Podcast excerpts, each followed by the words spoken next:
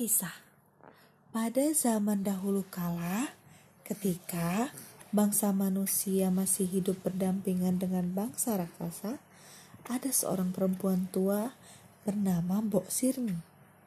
Mbok Sirni begitu mendambakan seorang anak yang ia harapkan akan menjadi tumpahan kasih sayangnya.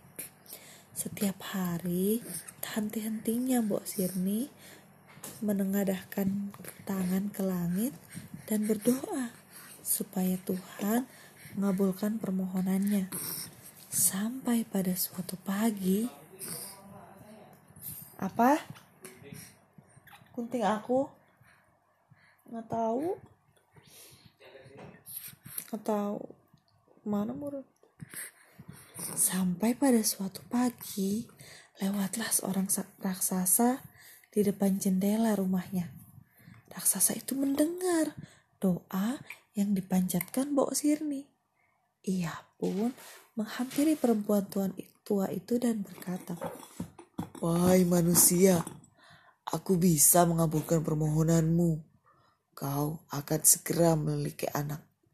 Tapi dengan satu syarat, anak yang akan kuberikan kepadamu harus kau serahkan kembali padaku pada saat ia berumur enam tahun.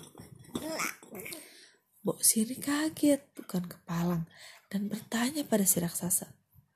Baiklah, aku bersedia memenuhi persyaratanmu. Sekarang apa yang harus aku lakukan? Raksasa itu kemudian memberinya sebutir biji mentimun, lalu berpesan agar Mbok Sirni menanam biji mentimun dan merawatnya dengan baik.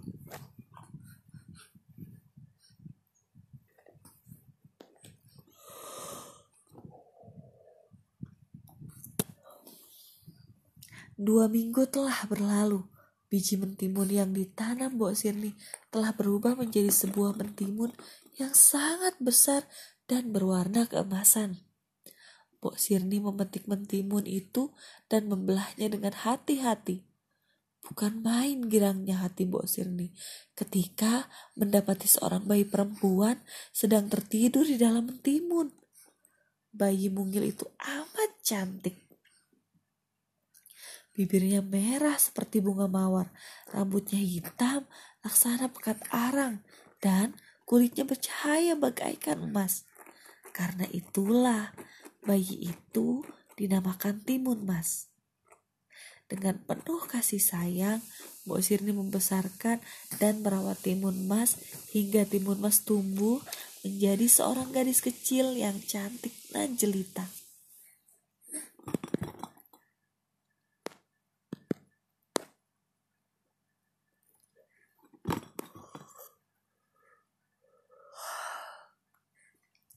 Tanpa terasa, Timun Mas telah genap berusia enam tahun dan raksasa itu datang menagih janji Bok Sirni untuk mengembalikan Timun Mas padanya.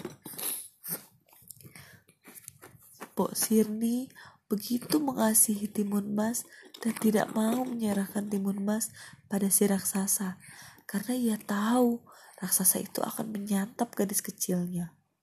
Bok Sirni berkata, raksasa yang perkasa. Bukannya aku hendak ingkar janji. Sebaiknya kau kembalilah dua tahun lagi.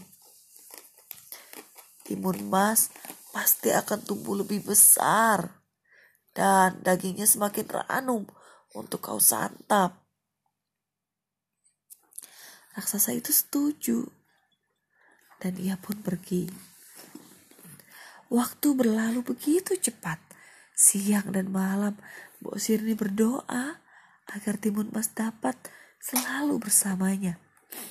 Doa Mbok Sirni mendapat jawaban pada suatu malam ketika ia sedang tertidur lelap, terdengar suara yang berkata, Pergilah ke Gunung Gundul dan carilah seorang petapa di sana. Niscaya anakmu Timun Mas akan selamat. Bok Sirni terbangun dari tidurnya dan pagi-pagi sekali ia segera mendaki gunung gundul untuk mencari si pertapa. Memang benar, ternyata ada seorang petapa sakti yang telah berpuluh tahun bersemedi di gunung itu. Ia sudah mengetahui maksud kedatangan Mbok Sirni. Diberikannya empat buah bungkusan kepada Mbok Sirni dan berpesan, Mbok, ini berisi biji mentimun, jarum, garam, dan terasi. Tebarkan isinya satu persatu.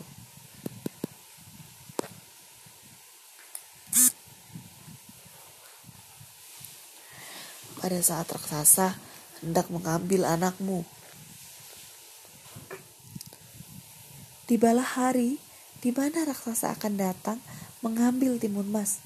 Sebelum raksasa itu tiba, Mbok Sirni menyuruh timun mas bergegas pergi melalui pintu belakang rumah. Tak lupa, ia membekali timun mas dengan empat buah bungkusan pemberian si pertapa sakti dan berkata, ah, larilah kau sekencang-kencangnya. Apabila raksasa telah mendekat, taburkan isi kantong ini satu persatu agar ia tidak dapat menangkapmu. Dari kejauhan, raksasa itu melihat timun mas lari ke arah bukit yang terletak di belakang rumah Mbok Sirni. Raksasa tahu bahwa Mbok Sirni tidak ingin menyerahkan timun mas kepadanya. Ia sangat marah dan mengejar timun mas. Timun mas menengok ke belakang dan dilihatnya raksasa mulai datang mendekat. Apa ya? Timun Mas teringat pesan ibunya. Lalu ia menebarkan isi kantong yang pertama yang berisi biji mentimun. Seketika itu juga biji mentimun yang jatuh ke tanah berubah menjadi sebuah ladang mentimun yang berbuah lebat. Raksasa yang mengejarnya merasa haus, menyantap buah mentimun sebanyak-banyaknya. Setelah haus hilang, ia kembali mengejar timun mas. Timun Mas terus berlari dan menebarkan isi kantong yang kedua yang berisi jarum. Jarum-jarum itu berubah wujud menjadi hutan dan pohon bambu yang sangat tinggi dan berujung runcing. Raksasa kesulitan mengejar timun mas karena kakinya terluka setelah ia menginjak batang-batang pohon bambu yang runcing bagaikan jarum itu. Tapi dengan gigi raksasa itu berusaha menerobos bambu dan terus mengejar timun emas. Timun emas mulai merasa lelah, padahal si raksasa sudah berada tepat di belakangnya. Kali ini, timun emas menebarkan isi kantong yang ketiga yaitu garam. Dalam sekejap mata, terhamparlah lautan yang amat luas. Raksasa itu harus berenang mengejar timun emas. Walaupun ia sudah sangat amat letih, tapi ia tetap harus dapat melintasi lautan itu. Ini kesempatan terakhir bagi Timun Mas untuk lolos dari kejaran raksasa. Sekali lagi ditebarkannya isi kantongnya yang terakhir, yaitu terasi. Terasi itu berubah menjadi lautan lumpur. Raksasa yang sudah kehilangan tenaga terhadap oleh lautan lumpur yang pekat dan kental. Ia tidak sanggup untuk bergerak. Semakin ia berusaha bergerak, semakin kuat lumpur itu menghisap tubuhnya. Akhirnya raksasa itu mati terbenam di dalam lautan lumpur. Timun Mas pun kembali ke rumahnya. Bok Sirni kaget dan sangat bahagia mendapati Timun Mas datang dengan selamat. Mereka memanjatkan syukur pada Tuhan dan hidup bahagia selama-lamanya.